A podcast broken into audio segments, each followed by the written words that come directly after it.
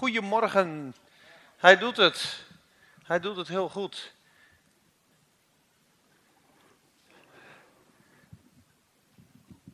Mooi om zo samen te zijn. Heel bijzonder eh, de liederen. We hebben niks afgesproken, hè? we hebben elkaar niet gebeld. Hè? Nee. nee, want donderdag was ik aan het bidden en ik kreeg echt eh, in Gods tegenwoordigheid zijn. En ook, uh, zou je straks ook in de preek wel zien. Ik heb fragmenten gekregen en dan denk je, ah, ik heb nog niet een lijn, maar dat komt wel. Dus ik vertrouw ook altijd op God dat Hij wat geeft. En net kreeg ik ook gelukkig nog wat. En soms krijg je een woord heel duidelijk en soms is het wat, uh, wat meer vertrouwen. En, uh, maar dat, wat ook langers kwam, is dat God jaloers is over ons. En zul je straks zien in Jacobus. En uh, wat is dat? Amen. Rejoice. Hallelujah. I always thank you for your encouraging words. You always encourage me. Bemoedigende zuster ben jij. En Klaas, ik moet ook zeggen, jongen, ik geniet van jou. En jij groeit. Je bent lekker aan het groeien. En je boeken ze uit. Vrucht dragen. Mooi. God is jaloers over ons. Sterk, sterk verlangen naar ons. He's jealous over us. Vader, ik wil zo deze tijd ook weer opdragen aan u. Dank u, Heer, dat we kunnen komen zoals we zijn bij u. Heer, u houdt van ons. Vader, en ik, uh, ik heb een verlangen om u te eren, het woord te brengen, zodat anderen opgebouwd worden. Heer Jezus, en we vragen ook een zegen voor deze tijd. Heer, uw nabijheid, daar willen we over nadenken. Heer, dank u dat u het woord wil leiden en wil zegenen. Dank u dat u er altijd bij bent. Dank u voor de bemoedigingen. Dank u voor de kracht van uw woord. Dank u voor de hoop die u gegeven hebt, ook voor het getuigenis in Kobi. We danken u, Heer, dat u geëerd wordt in alle dingen. Heer, haal weg bij ons wat in de weg staat om u te dienen. Heer, we hebben allemaal bepaalde afgoden of moeites of strijd. Heer, u kijkt er overheen, maar u wil ook dat we er doorheen gaan. Heer, laat alle onze lasten weg mogen gaan. Al onze lusten, verkeerde lusten mogen verdwijnen. Heer, alle listen. Ik kreeg het vanmorgen onder de douche, Heer. De lusten, de lasten en de listen. De listen van de vijand, de lasten die op ons drukken. De lusten die we hebben, die u blokkeren. Heer, dank u wel dat u het gaat wegnemen. Dank u dat u een werk in ons binnenste doet. Dank u, Heer Jezus, dat u ons zo klaarstroomt, zoals het woord ook zegt. In dit vertrouwen dat Hij die een goed werk in u begonnen is, het voleindigen zal tot op de dag van Jezus Christus. En die andere mooie tekst in spreuken, het pad van de rechtvaardige wordt helderder en helderder. Totdat zij zal stralen als de volle middagzon. Heer, daar verlangen wij naar. En we danken u dat het uw werk is in ons. Geef ons een zacht hart, Heer, te verkrijgen en wijsheid te bekomen. Zeer zodat u uw werk en uw wil en uw verlangen in ons kan uitwerken. Heer, u wil bij ons zijn. Wat een wonder. U wil bij ons zijn. Maak toch een tabernakel dat ik onder het volk zou kunnen wonen. O Heer, u zoekt ons. U heeft ons uitgekozen. Wat is de mens dat gij hem gedenkt en de zoon, de kinderen des mensen, dat u zich om hem bekommert. Heer, mogen we onder de indruk raken van uw grootheid, van uw almacht. Maak ons los, Heer, van die zuigende kracht van de wereld. Dat wij vernieuwd zouden worden in ons denken. Metamorphosis. Uit het systeem, Heer, van de wereld. Dat is een strijd en u gaat ons kracht geven. Bemoedig ons en, en versterk ons vandaag. Alle eer en glorie gaat naar u. Dank u, Heer Jezus. Dank u, Heilige Geest. Dank u, Vader. Amen. Amen. Exodus 24. Exodus 24.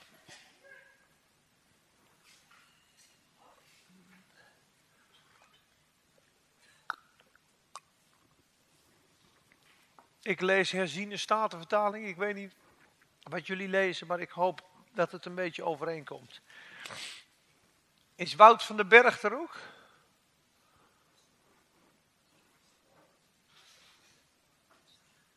Iets zachter, een heel klein tikje zachter. Niet te zacht, want dan is de opname weer niet goed. Nee, nee, is goed hoor.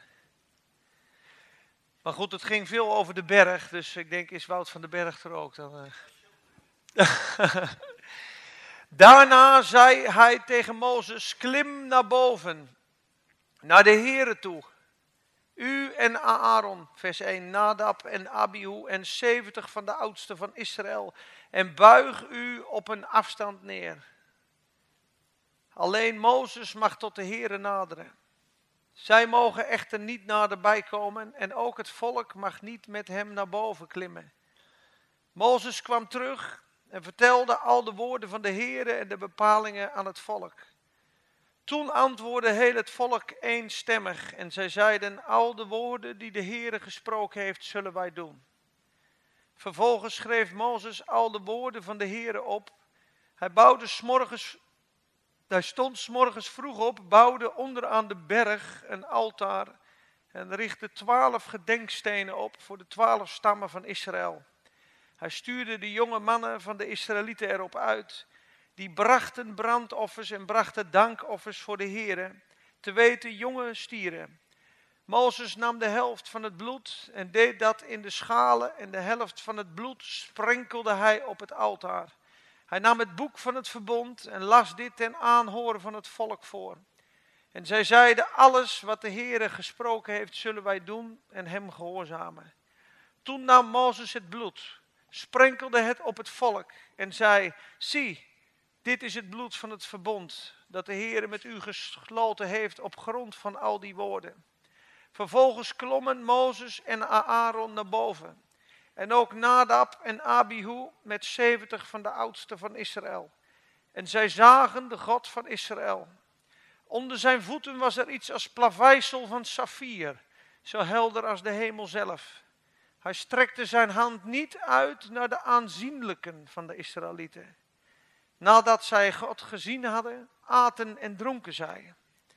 De Heer zei tegen Mozes, klim naar boven, naar mij toe, de berg op en blijf daar.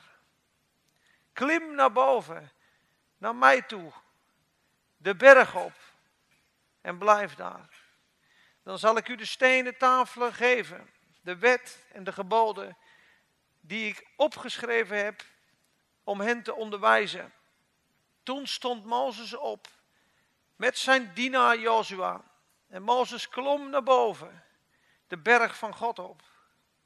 Hij zei tegen de oudste, blijf hier op ons wachten, totdat wij bij u terugkomen. En zie, Aaron en Hur blijven bij u. Wie bepaalde zaken heeft, moet naar hen toe gaan. Toen Mozes de berg opklom, bedekte de wolk de berg. De heerlijkheid van de Heere bleef op de berg Sinaï rusten. En de wolk bedekte hem zes dagen lang. En op de zevende dag riep hij Mozes vanuit het midden van de wolk. De aanblik van de heerlijkheid van de Heere op de top van de berg was in de ogen van de Israëlieten als een verterend vuur.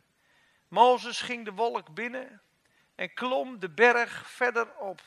En Mozes was veertig dagen en veertig nachten op de berg. Dan lees ik een vers, Exodus 25, vers 8. En zij moeten voor mij een heiligdom maken, zodat ik in hun midden kan wonen.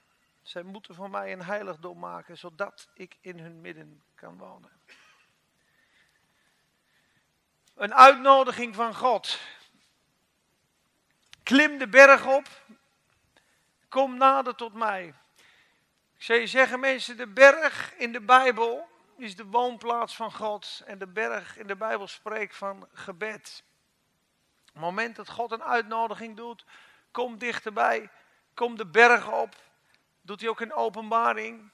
Kom op hier, is er een uitnodiging van God. Het is altijd in de geest. En je ziet hier dat het diepere lagen van gebed zijn. Dat Mozes omhoog gaat en dat de Heer ze nog een keer roept. Nog een keer. En dat hij zes dagen wacht. En op de zevende dag nog een stem hoort. Hoger op de berg, dieper in de berg, dieper in de tegenwoordigheid van God. Op een gegeven moment krijgt hij het hart van God te zien. En de woorden van God te zien en de richting van God te zien. En dat is voor ons leven zo belangrijk. En het mooiste ervan is, wat ik hiervan mocht lezen, is dat God verlangt om met ons te wonen. En dan ga je erover nadenken en dan denk je, zo'n preek net voor de kerst, waar gaan we dat uh, over houden? Peter van der Meen spreekt volgende week. Ik had hem nog gebeld. Ik zei, zullen we niet in mekaars vaarwater komen? Maar je gaat zeker over Emmanuel spreken. God met ons. Ja, ja, zei hij. Ik zei, nou dan doe ik iets wat ervoor komt. Maar goed, de aankondiging komt van de Heer Jezus. En we hebben vorig jaar gedeeld om, omstreeks die tijd ook de, de aanname van het woord van Zacharias en Maria. Hè, dit verschil. Dat die Zacharias in die tempel komt, dat die engel Gabriel komt en die zegt, uw gebeden zijn u verhoord, u zult een, een kind krijgen. En dat hij eigenlijk twijfelt en zegt, hoe zal dit geschieden? Mijn vrouw is oud en ze is onvruchtbaar. En dan zegt Gabriel, ik sta in de tegenwoordigheid van God. En nu bent u stom voor negen maanden, omdat u mijn woord niet geloofd hebt. Heel heftig. Eén overlegging in zijn hart van twijfel, van ja, maar dat kan helemaal niet. Geen ding is bij God onmogelijk. En hij kon negen maanden niet praten. En dezelfde engel die bij Maria komt, en die zegt, u bent uitgekozen, u zult een zoon baren. En zij zegt eigenlijk bijna hetzelfde. Ze zegt, hoe, hoe kan dat? Want ik heb geen gemeenschap met een man. Maar haar hart gelooft het wel. Want ze zegt eigenlijk, ja, ik wil het fantastisch geloven. Maar hoe kan dat? Hoe, hoe gaat het dan plaatsvinden? Dat is een hele andere vraag. En zij wordt gezegend. En ze ontvangt Jezus. En dan ga je nadenken over de tegenwoordigheid van God. En dan lees je in de Bijbel en dan denk je eigenlijk, zijn we geroepen om met Hem te leven en, en heeft God ons geschapen? Om dicht bij ons te zijn. Hij schiep Adam en Eva om in zijn tegenwoordigheid te leven. Om dicht bij hem te zijn.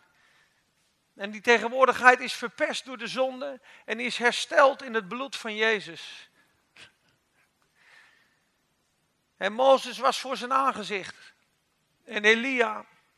En eigenlijk elke man in de Bijbel. Daniel zocht God, Ezekiel zocht God, Jezaja zocht God. Mozes sprak van aangezicht tot aangezicht. Jezus was op de Olijfberg en hij zocht hem dagelijks. En iedereen die van God houdt, zou hem moeten zoeken. Zoek dan mijn aangezicht. En God wil dat we hem zoeken en hij wil gevonden worden, maar hij zoekt ons nog harder. En ik wil zo bidden, en dat is ook mijn verlangen, dat we zoekers worden van God. Hij is een beloner voor degenen die hem ernstig zoeken. En vaak zoeken we andere dingen en daar moeten we van verlost worden. Maar we lezen ook zo mooi in Psalm 24, je hoeft het niet op te zoeken, maar het gaat ook over die berg. En dan zegt Psalm 24, wie zal opgaan tot de berg van de Heer? Tot de tegenwoordigheid van God. Wie zal de berg van de Heer beklimmen? Wie zal staan in zijn heilige plaats? Wie zal wandelen met God? Hij die rein is van handen en zuiver van hart. Wie zijn ziel niet opheft tot wat vals is en niet bedrieglijk zweert. Hij zal zegen ontvangen van de Heer en gerechtigheid van de God van zijn heil. Dit is het geslacht van hen die naar hem vragen, die uw aangezicht zoeken. Dat is Jacob. Psalm 24. En als je dan ziet in Jacobus 4, want ik vroeg natuurlijk aan God, Heer, wat zijn, wat zijn de vereisten voor uw tegenwoordigheid? Want het is natuurlijk allemaal genade. We zijn een plaats gegeven in het bloed van Christus, in de tegenwoordigheid van God. En toch zijn er dingen in ons leven die de Gods tegenwoordigheid kunnen verstoren.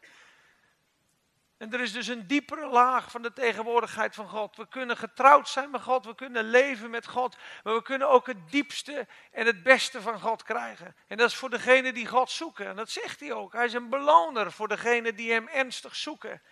En als je in Jacobus ziet, en die strijd zullen we allemaal wel eens hebben, komt het weer op gebed.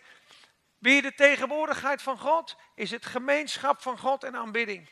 En wat staat er boven bij Jacobus 4? Wereldsgezindheid. Van waar komt al die strijd onder u van waar zijn al die conflicten in uw midden? Vloeien zij niet hieruit voort? Is het niet vanwege uw hartstochten die in alle delen van uw lichaam strijd voeren? U verlangt naar iets, maar u krijgt het niet. U benijdt anderen. U doet uw uiterste best om dingen te bemachtigen, maar u kunt ze niet krijgen. U maakt ruzie, u voert strijd, maar u ontvangt niet, omdat u niet bidt. Of u bidt wel, maar u ontvangt niet, omdat u verkeerd bidt, met het doel het in uw hartstochten door te brengen. Overspelige mannen en vrouwen, weet u dan niet dat de vriendschap met de wereld vijandschap tegen God is? Wie dan nu een vriend van de wereld wil zijn, wordt als vijand van God aangemerkt. En nou komt hij. Of denkt u dat de schrift, de Bijbel, te vergeefs zegt? De geest die in ons woont, die wordt begeerd door God met jaloersheid. Er is niet echt één Bijbeltekst die dat in het Oude Testament bevestigt. Ik heb het opgezocht. Maar het zijn verschillende delen van het Oude Testament bij elkaar. Er staat op het scherm, de geest die in ons woont, verlangt die vurig naar afgunst. Het staat een beetje moeilijk vertaald. Er staat in het Engels, eigenlijk, God begeert de gemeenschap met onze geest met jaloersheid. Of denk je dat de schrift zegt, God wil te vergeefs gemeenschap met ons, met volle jaloezie. Dus hij is zo jaloers van liefde, dat is hij ook als die gekwetste uh, geliefde in Jeremia. Als hij zegt, mijn volk heeft mij dagenlang verlaten. Wat heb ik Israël ooit gedaan? Ze gaan hoereren op iedere berg. Ze loven onder iedere groene boom. En nu hebt u niet met uw hele hart tot mij bekeerd, afkerige dochter. Dan zie je een huilende bruidegom in Jeremia. En God huilt. En ik hoorde het net zelfs in de Spakenburgs. Ik brul als ik geen gemeenschap met je heb. Ik kan wel janken als ik niet kan wezen. Ik zei, nou ik ook. Ik kan ook wel janken als ik niet kan wezen. Maar dat moet de grondslag slaan. Want wij denken dat God aan ons zoveel eisen stelt om met Hem om te mogen gaan. Dat is niet waar. Dat is niet waar. God nodigt ons uit. Kom tot mij, allen die vermoeid zijn. En ik zal je rust geven. Kom tot mij, allen die vermoeid en belast zijn. Hij zegt, kom tot de wateren en drink. Om niet. Kom tot de water. Dus de uitnodiging van God is daar altijd. En toch kan ons hart verliefd zijn op andere dingen. Kan het vastzitten in de wereld, waardoor het geen gemeenschap met God kan genieten. En dan bedroeven we Gods geest. Dan kwetsen we de Heer. Want dan is zijn jaloezie is dit. Ik ben alles, ik wil je alles geven, maar je vindt vreugde in die en die en die dingen. En dat kwetst me. En dat doet me zeer. En niet omdat ik kwaad, niet omdat ik nou kwaad ben, niet omdat ik je nu wil straffen, maar omdat je ontneemt mijn hartsverlangen. Ik hou van je en ik wil zo graag bij je zijn. Ik verlang sterk naar je. Ik begeer je. Ik begeer je. Naar mijn wil en verlangen heb ik je doen wedergeboren worden tot een levende hoop. En God wil met ons zijn en God wil met ons wandelen. En ik, en ik dank God ervoor dat Hij dat in zijn woord heeft opgeschreven. En ik dank God dat hij ons losmaakt van al die andere dingen. En het is niet makkelijk, mensen. Het is echt niet makkelijk. Het is makkelijk als we hier staan te aanbidden. Het is makkelijk als je ontmoet, ontmoeting hebt met God en je ziet boven op de berg als een adelaar alles in de geest. Hij houdt van mij. Ik ben bevestigd als zijn kind. Oh, God is geweldig. Halleluja, ik sta te prijs in de gemeente.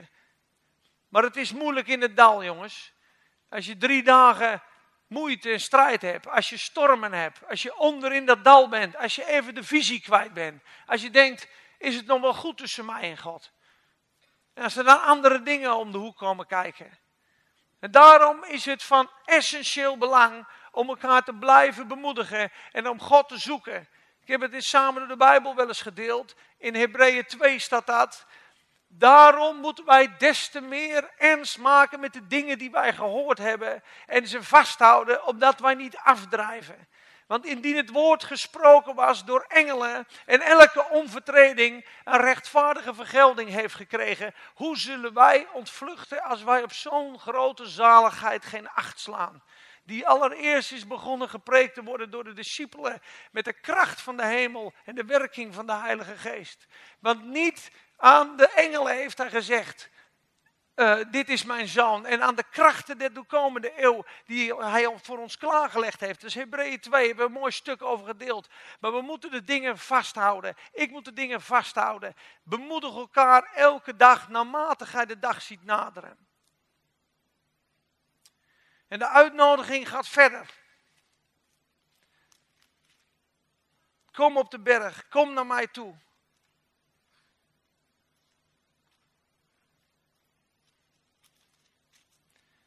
En het mooie van dat stuk vind ik, die zes dagen wachten. Wij denken, dat doen we wel even. We gaan naar God, even een schietgebed. Zegen mijn gezin, zegen mij, tot ziens. Maar Mozes wacht zes dagen. Moet je over nadenken, zes dagen. Is hij stil voor God, is hij op die berg. En de zevende dag hoort hij een stem, kom dieper. Ik vind dat heel bijzonder. Ik vind het heel bijzonder.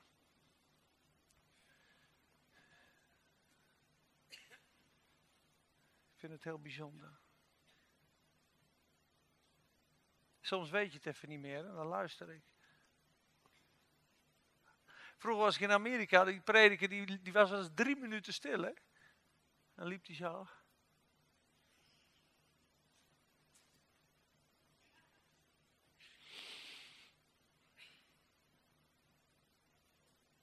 Lekker relax zo. Hmm. Thank you Lord. Het regent hier, zei hij wel eens zo. frisse regen van God. Soms stond hij wel eens een kwartier gewoon te huilen bij die, bij die preekstoel. Het interesseerde hem helemaal niks. Jesus.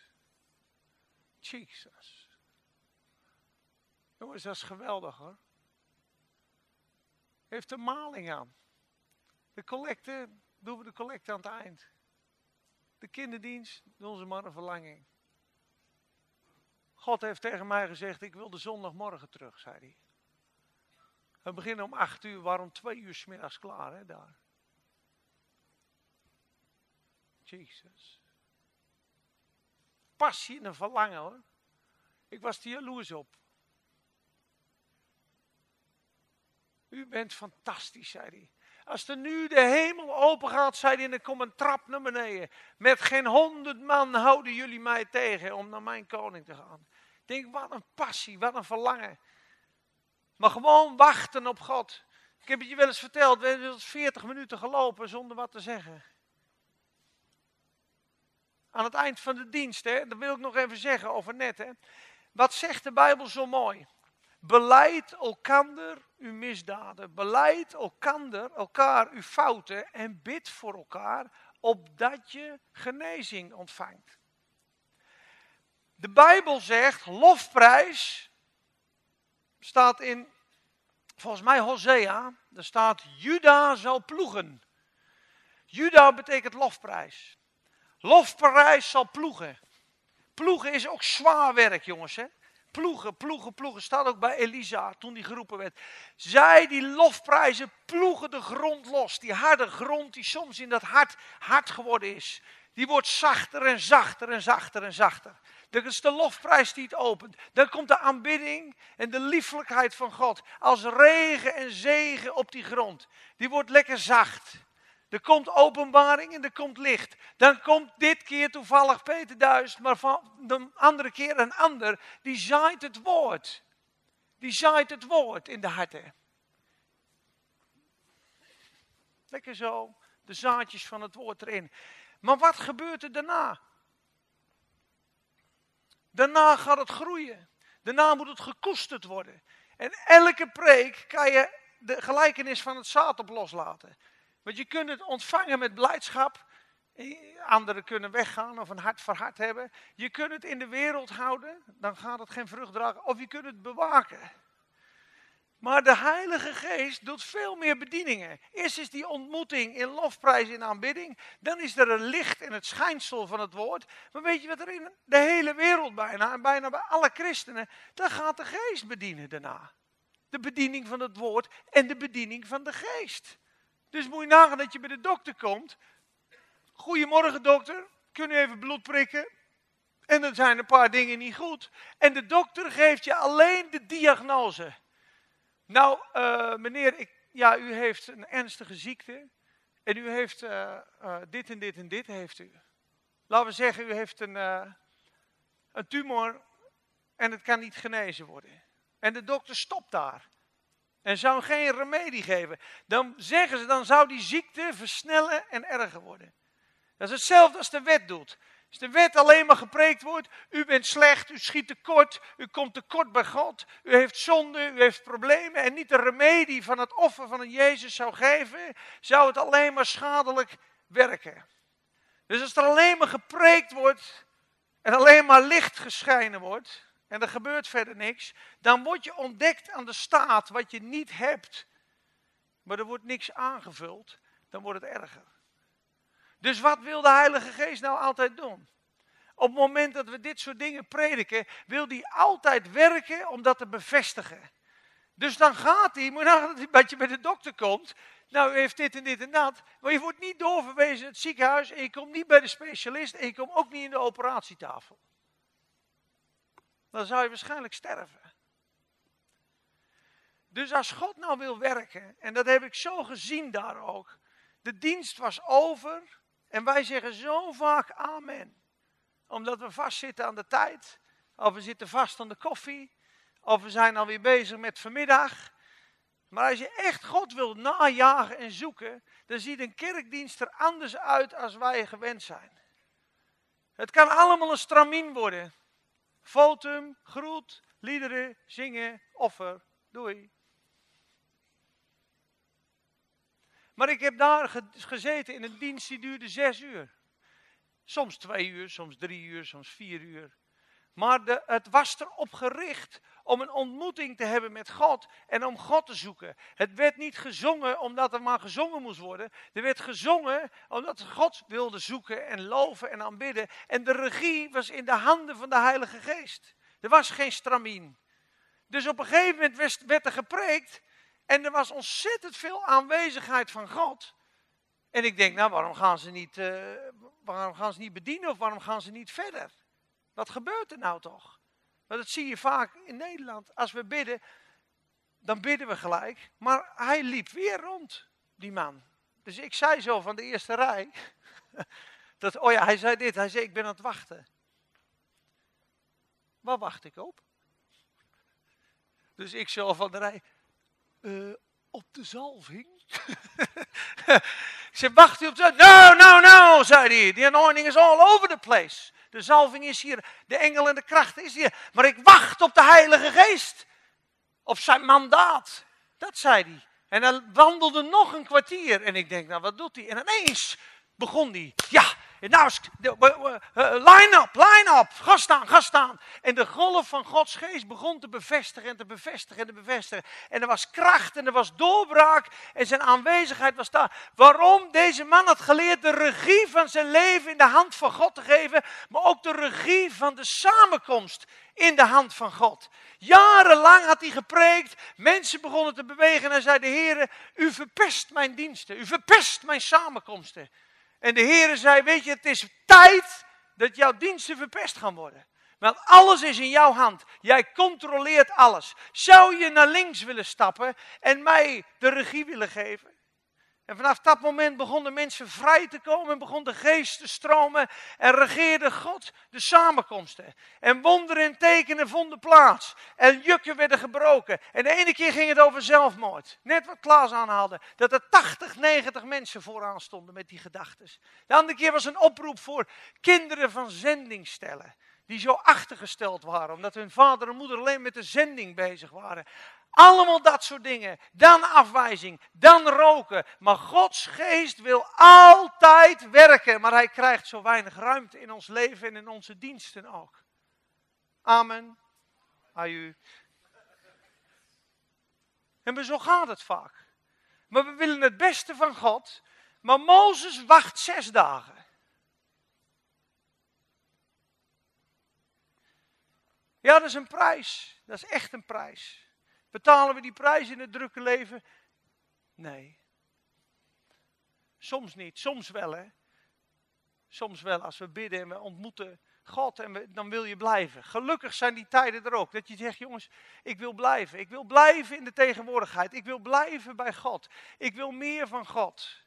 Ik wil Hem zoeken. Ik wil Hem, dat Hij, dat hij mijn leven leidt. Dat hij, me, dat hij me alles vult. Maar zo moet het worden, mensen. Dat we hier nooit geen kerkje gaan spelen, maar dat we God komen zoeken. Dat we ontmoeting met de Heer Jezus willen en dat we eigenlijk zeggen, Heer, u regeert, u bepaalt wat er gebeurt in mijn leven, in de samenkomst, op mijn werk, hoe je reageert, hoe je doet, hoe je handelt. En dat is moeilijk, maar daar is wel de overwinning. En dat is in de nabijheid van God leven en wandelen. Stap voor stap met de Heer Jezus. En dan mogen we leren. Mag je echt leren. Leren vertrouwen, leren loslaten. Maar vanaf het moment dat die man die, die ruimte aan God gaf, werd alles anders. En de sleutel om deze dingen te ontvangen en te zien is gebed. Absoluut gebed. Absoluut gebed. Stil worden voor God. Zijn woord lezen is gebed. Je kan op vele manieren bidden, dat hebben we al gezegd. Hè? Je kan je noden bij God bekendmaken en amen zeggen. Dat is de laagste vorm van gebed. Het is goed dat je het doet.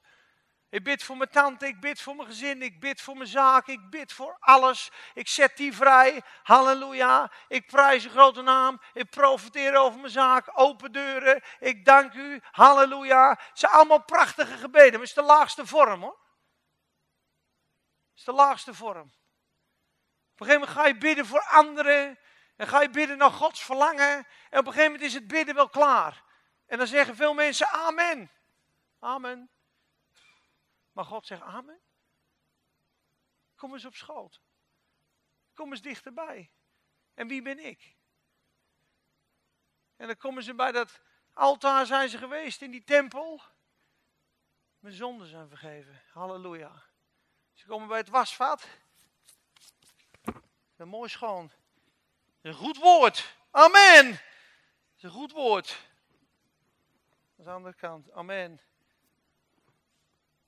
Maar de tempel zijn we nog niet in geweest. Je bent net gereinigd en geheiligd. Weet je wat er staat? Exodus 29. Ik zal dan te midden van de Israëlieten wonen en ik zal hen tot een God zijn. En zij zullen weten dat ik de Heere hun God ben, die hen uit het land Egypte geleid heeft, opdat ik in hun midden zou wonen. Hij heeft ons gered en zalig gemaakt om de relatie te herstellen. Om met ons te wandelen, in ons midden te wonen. Amen. Ik ben vergeven, ik ga naar de hemel. Maar God zegt, kom binnen. Kom de tempel in. Ga het voorhangsel binnen. En daar hebben we wel vaker over gesproken. Dan begin je dingen te zien. Er stonden de kandelaren. Kandelaren geven licht. Schijnsel van de Heilige Geest komt in je leven. Er stonden de toonbroden die altijd warm waren. Op wonderlijke wijze bleven zij warm. Dus het voedsel van God. Die Bijbel begint te spreken. En dan kun je ook stoppen. En daar leven ook veel mensen. En daar leef ik ook vaak. Want dan is de tijdklok over of dan is het goed genoeg. Vind ik mooi. Ha. Prachtige openbaring. Oh, mooi hè? Halleluja. Bel ik weer een vriend op. Jongen, hij dit lezen? Dat is mooi hè? Ho, ho. Halleluja. Maar de gemeenschap met God. En de diepe nabijheid van God. Heb je daar nog niet te pakken. Je bent wel een stukje verder, die berg op. Maar het gaat nog dieper. Dus God zegt ook, laat Aaron en het volk blijven. Want Mozes was toebereid. Alleen Mozes, laten zij buigen. En dan zien ze God. En weer zegt hij: Kom, en kom, en kom. En dat is de stem van God voor jou en mij. En dan komt het voorhangsel. Weet je wat het voorhangsel is? Het is ons vlees. Het is ons vlees. Op een gegeven moment gaat alles van het vlees wijken. Net wat Jacobus zegt. Wie een vriend van de wereld wil zijn, is een vijand van God. En dat is heftig, hè? Maar als je het voorhangsel voorbij bent, ontstaat er aanbidding in ons hart. Werkelijke, onbelemmerde aanbidding in geest en waarheid. Het is in de geest, het is niet meer van het vlees, het draait niet meer om mij. Het is in absolute oprechtheid en waarheid. Daar is de tegenwoordigheid van God. Een levend aanbidding. Daarom maakt hij onder aan die berg een altaar. En besprengt dan alles met bloed. Hebreeën 9 zegt dat. Alle dingen werden ook onder het bloed geheiligd en besprengd. Nu zijn we besprengd onder het bloed van Jezus. We hebben volle vrijmoedigheid om in te gaan. Er is geen probleem tussen jou en God. De weg is volkomen open. Die heeft hij ingewijd door zijn vlees. En hij is een hoge priester voor ons. Laat ons dan toetreden met een rein hart in volle verzekerheid des geloofs, ons lichaam gewassen met rein water staat er, en ons hart besprenkeld van een kwaad geweten. Staat dat er of niet? En laten we vasthouden aan de beleidenis van de hoop, staat er daarna, en laten we elkaar aanvuren tot liefde en goede werken. En naarmate gij de dag ziet naderen. Maar kom tot dat aangezicht van God. Dat wil God, daar verlangt God naar moment dat dat gebeurt en aanbidding komt in ons hart, dan is Jezus het middelpunt van ons leven. En alles wat dat in de weg staat, hoe moeilijk het ook is, zal moeten wijken. En we hebben allemaal lievelingsgoden. En lievelingszonden. Ook ik. En ze moeten op het altaar. En ik bid en ik hoop dat we dat echt mogen leren. Dat we echt mogen komen tot die ware aanbidding. Totdat je mag zeggen, Heer Jezus, ik vind het ontzettend moeilijk. Maar ik vertrouw u voor mijn voorziening. En ik vertrouw u voor mijn vreugde. En ik vertrouw u dat u mij vervullen zal. Dat u alles voor mij bent. Ik geef mijzelf aan u. Want u hebt uzelf ook aan mij gegeven. En dan bid ik zo, Heer Jezus, dat we die overstap mogen leren maken om daar te blijven. Want dat zegt hij zo mooi, hè staan die komma's tussen. Kijk, de Heer zei daarna tegen Mozes, klim naar boven. Sta uitroep, klim naar boven. Die berg is zwaar, hè? Is wat zwaar, hè, naar boven. Een gebed kan wel eens zwaar zijn. Allemaal gedachten door je hoofd. Maar hoe hoger je op de berg komt, hoe dichter je bij God bent. Hoe hoger je op de berg bent, hoe beter je visie wordt. En dan zegt hij, klim naar boven. Je kunt ook bidden voor je bediening, hè? Bidden voor jezelf. En dan staat erachter, naar mij toe. Laat je gebed zijn naar mij toe. Richt je op mij. Zoek mij. En dan zegt hij, de berg op. Dat is wel even zwaar, hè? En blijf daar. En blijf daar. Dat is het mooiste. Blijf in mij, dan draagt u veel vrucht. Blijf in mij, dat als hij straks geopenbaard wordt, u vrijmoedigheid mag hebben bij zijn komst en niet tot schaamte besteld wordt, gesteld wordt door de Heer. Kan hè? En blijf daar in de tegenwoordigheid van God. Als we daar zijn, is het volle leven. Als we daar zijn, heeft God zijn doel bereikt met ons en wij ons doel bereikt. Als je de wil van God wil weten voor ons leven, is het blijf in Hem. Zoek zijn aangezicht. Heb gemeenschap met God in zijn nabijheid. Dat is wat God wil. En dan ben ik het weer even kwijt. Dan ga ik weer even wachten.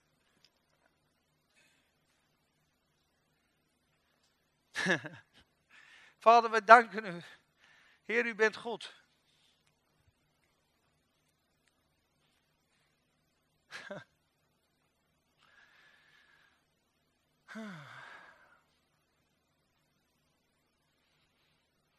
Ik denk dat profeten dat ook wel eens doen. Hè?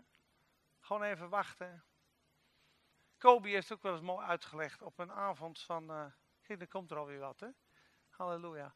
Op een avond van de kring dat we bidden zo vaak voor mensen, ook straks met het gebedsteam. Maar wacht eens op de Heilige Geest. Wacht eens op de Heilige Geest tot hij wat zegt. Luister eens naar de Heer. Zou het misschien dit en dit en dit kunnen zijn in je leven? Ja, dat klopt, dat klopt. God kan zo mooi die dingen aanwijzen. En we lopen hem soms voorbij. En dan ratelen we door. Maar als we wachten op God, krijgen we een nieuwe licht. Dus wachten is ook bidden. Zullen we dat zeggen tegen elkaar? Wachten is ook bidden. Wachten op God is ook bidden. Het is een van de moeilijkste dingen, zeggen ze. Wachten op God. Stil worden voor God.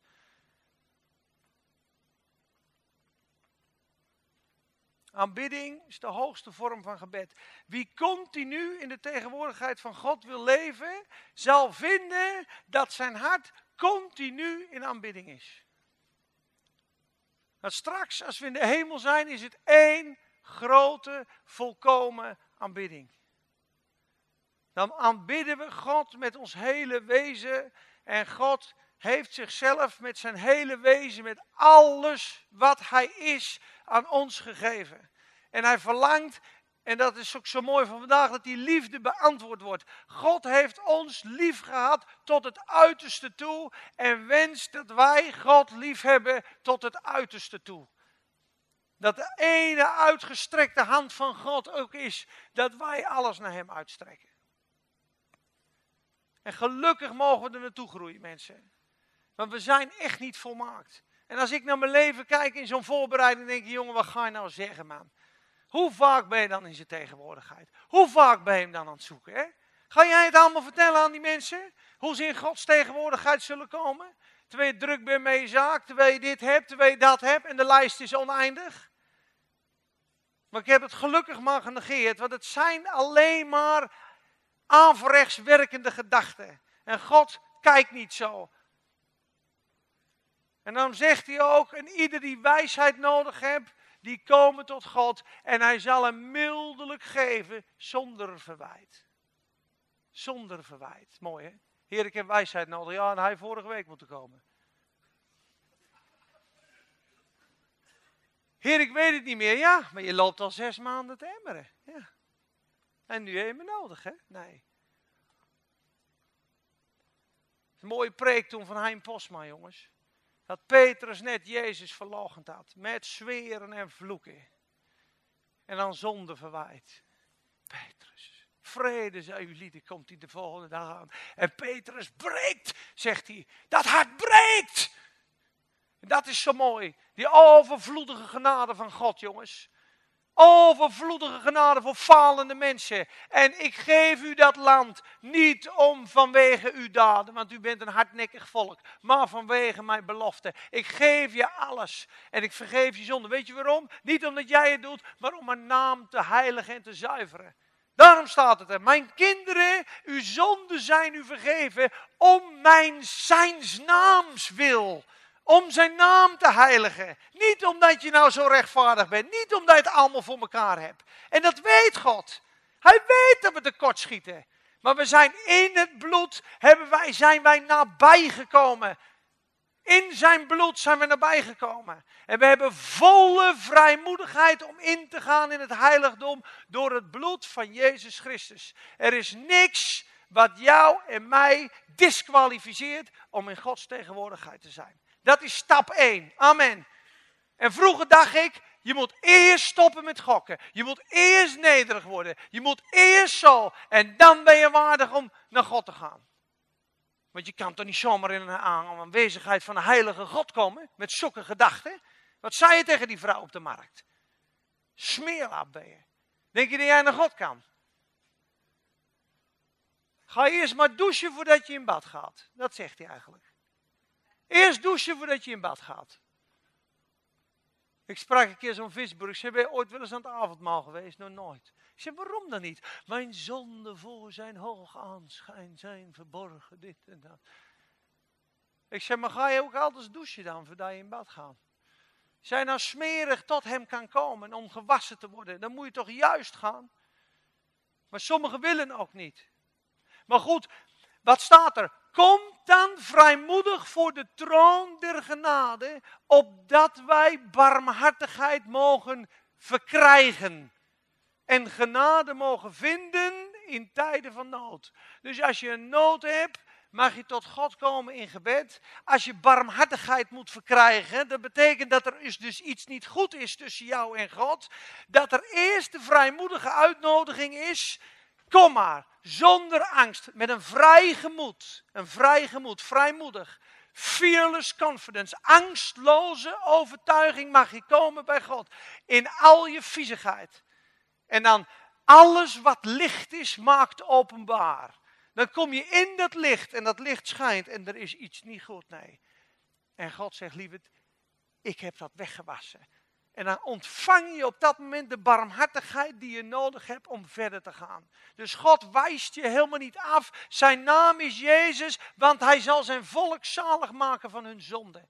En dat is het wonder, dat we kunnen blijven met in de gemeenschap. Niet door onze zondeloosheid, maar door zijn bloed. Door zijn bloed kunnen we erin blijven. Iemand vroeg dat ook. Hoe kan ik dan zonder zonde leven? Door zijn bloed is het antwoord. Door zijn bloed kun je zonder zonde leven. Niet door je rechtvaardige daden. Wij allen struikelen en velen. Niemand van ons is zonder zonde. Vandaag doe je er van waarschijnlijk 80, 90, 100. Maar zijn bloed, zijn constant wassende bloed en hoge priesterschap en bidden en smeken voor de Vader en uitgieten van zijn leven als hoge priester en constante uitnodiging is de, de grond op waar we gemeenschap kunnen hebben. En als er iets fout gaat, dank u wel, Heer Jezus, voor uw bloed. Dank u voor uw wassing. Door het geloof zijn we gerechtvaardigd. Ja, maar je hebt dit en dit en dit en dit gedaan, zegt de Satan. Daarom ben je niet waardig om bij God te komen. Maar toen ik vorige week dit en dit en dit en dit niet gedaan had, was het dat. En toen ik dat niet gedaan had, was het dat. Er is altijd wat waar wij tekort op schieten. Maar we zijn volmaakt in Hem. En wij zijn absoluut gewassen door dat bloed. En als dat weg is, is de hele gebeds en het hele gebedsleven vernietigd. Dan wordt de hemel een koperen hemel. Want allen die het uit de werken der wet verwachten, zijn onder de vloek. En zijn gedoemd tot falen en vernietiging, zegt de Bijbel. Ga ik te lang door? Everybody's running. We wachten zes uur en dan gaan we naar boven straks hoor, jongens.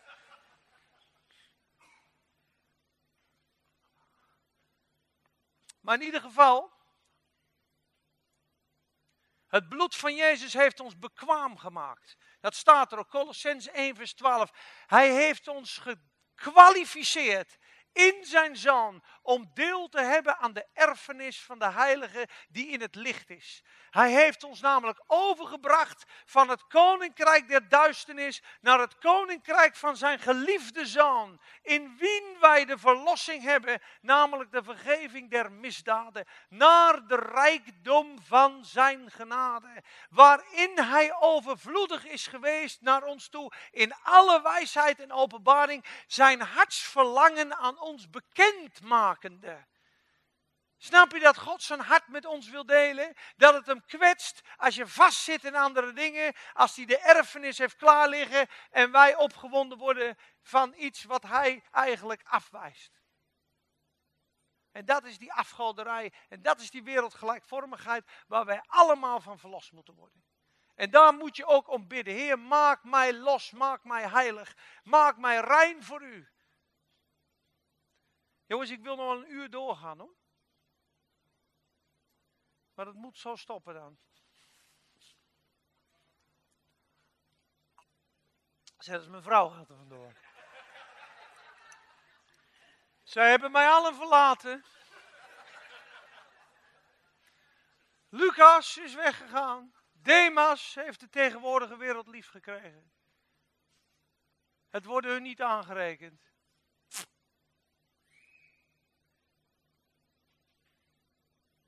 En weet je wat het ook is, mensen? Ik denk dat dat de grootste prijs is. Dat we uitgespuwd worden. Dat oma zei het al. Buiten de poort, of ootje was dat hè. Buiten de poort zijn smaadheid dragende. Wij hebben wel eens een brief gevonden uit 1800, wat was het? 1800 hè. Een openbaring van ootje. Staat helemaal niet in de Bijbel. Maar ze had het wel gezien. Daar zag ik hem in de zaal van Caiaphas. Daar droeg hij het oordeel voor mij. En er was iemand die stikte met een blokje. En daar had ze bijgestaan, die was overleden die week. En er stond erbij, zie je nu wel dat de Heer een verhoorder is van de gebeden? Ik denk, verhoorder, die man is gestikt. Dat hij nu bij God is en ze begon zo te getuigen. En er staat er, en we moeten buiten de poort zijn smaadheid dragen. Ik denk dat dat het moeilijkste is voor ons allemaal. Want uit buiten het kamp was de tabernakel. Weg van het volk, weg van iedereen, afgezonderd. Hier, waar niet veel mensen meer bij zijn, daar is Heer Jezus. Toen wilden velen van hem zijn discipelen niet meer zijn. Want zijn woorden waren te hard en te moeilijk. Ja. Dat is de prijs voor het volgen van de Heer. Als je het beste van God wil, moeten we ook het beste van onszelf geven. Ik bid een genade over ons allemaal. Dat we dit mogen vinden en leren. En dat het realiteit mag worden. Realiteit in de tegenwoordigheid van God. In de aanbidding. Los van de wereld. Met een hart vol lofprijs en dankzegging. Ik wil afsluiten met Efeze 5 en dan geef ik de dienst aan Klaas. En ik hoop echt, en mijn wens is dat we een gemeente mogen zijn die God zoekt en lief hebt. En ook dat God zijn werk volkomen mag afmaken. Want hij werkt vandaag in Afrika, die dienst duurt tien uur jongens. Tien uur duurt de dienst. Dan zeg je, ja maar ze moeten daar drie dagen lopen. Aanbidding, prediking, aanbidding, uh, getuigenissen, werking van de geest, bevrijdingen, genezingen, huwelijken die genezen, wonderlijke werkingen, prediking, getuigenis, zingen, loven, prijzen, ontmoeting met God.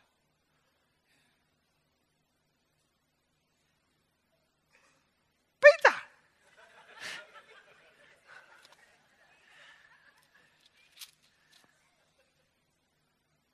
Nog een mooie om af te sluiten.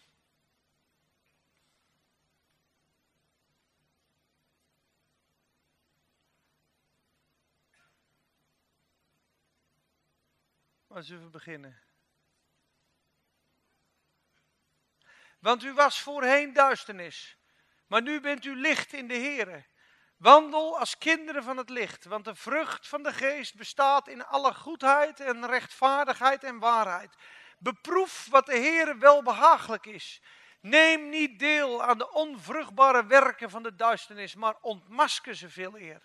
Want wat heimelijk door hen gedaan wordt, is te schandelijk om zelfs maar te vertellen. Maar al deze dingen komen openbaar als zij door het licht ontmaskerd worden. Want al wat openbaar maakt, is licht. Daarom zegt hij, ontwaakt u die slaapt en sta op uit de doden. En Christus zal over u lichten. Let er dan op dat u nauwgezet wandelt, niet als dwazen, maar als wijze. En buiten geschikte tijd uit, omdat de dagen vol kwaad zijn. Wees daarom niet onverstandig, maar begrijp wat de wil van de Heer is. En word niet dronken van wijn, waarin bandeloosheid is, maar word vervuld met de geest van God. En spreekt onder elkaar in psalmen, lofliederen, geestelijke liederen. Zing voor de Heer en loof Hem in uw hart. Maak een vrolijke melodie in je hart voor de Heer. En dankt voor altijd. Wie zei dat mooie woord over dank? Jij. Ik was vorige week nog bij mensen vrolijk, eenvoudig en dankbaar. Ik dank God dat ik lekkere waarheid zei Wim. Ik zei, jongen, zo lekker eenvoudig. En dat is, zegt de Bijbel. Ik zei, wist je dat dat de wil van God is? zei, jongen, ik dank slecht voor, slechte dagen, voor goede dagen. Ik denk gewoon overal weer. En zij zegt het ook. En weet je de Bijbel zegt? Ik zeg, het de Bijbel. Want dit is de wil van God in Christus Jezus voor u. Dankt onder alles. En er staat hier ook, dankt onder alles. Voor alle dingen. Dank altijd voor alle dingen. Alle dingen, alle dingen. God en de Vader in de naam van onze Heer Jezus Christus. En wees elkaar onderdanig in de vrezen van God. Doe je dit? Efeze 5, vers 11 tot het eind is een absoluut goed recept om in de tegenwoordigheid Gods te blijven. Ontmasker de dingen van de duisternis. Drink niet te veel wijn. Ik drink ook een wijntje, maar bedrink u niet. Word vervuld met de geest van God. Spring, spreek onder uzelf in psalmen, geestelijke liederen, lofliederen. Maak melodie in uw hart voor de Heer. En dankt onder alles en zijt elkaar onderdanig. In de vreze Gods. Amen.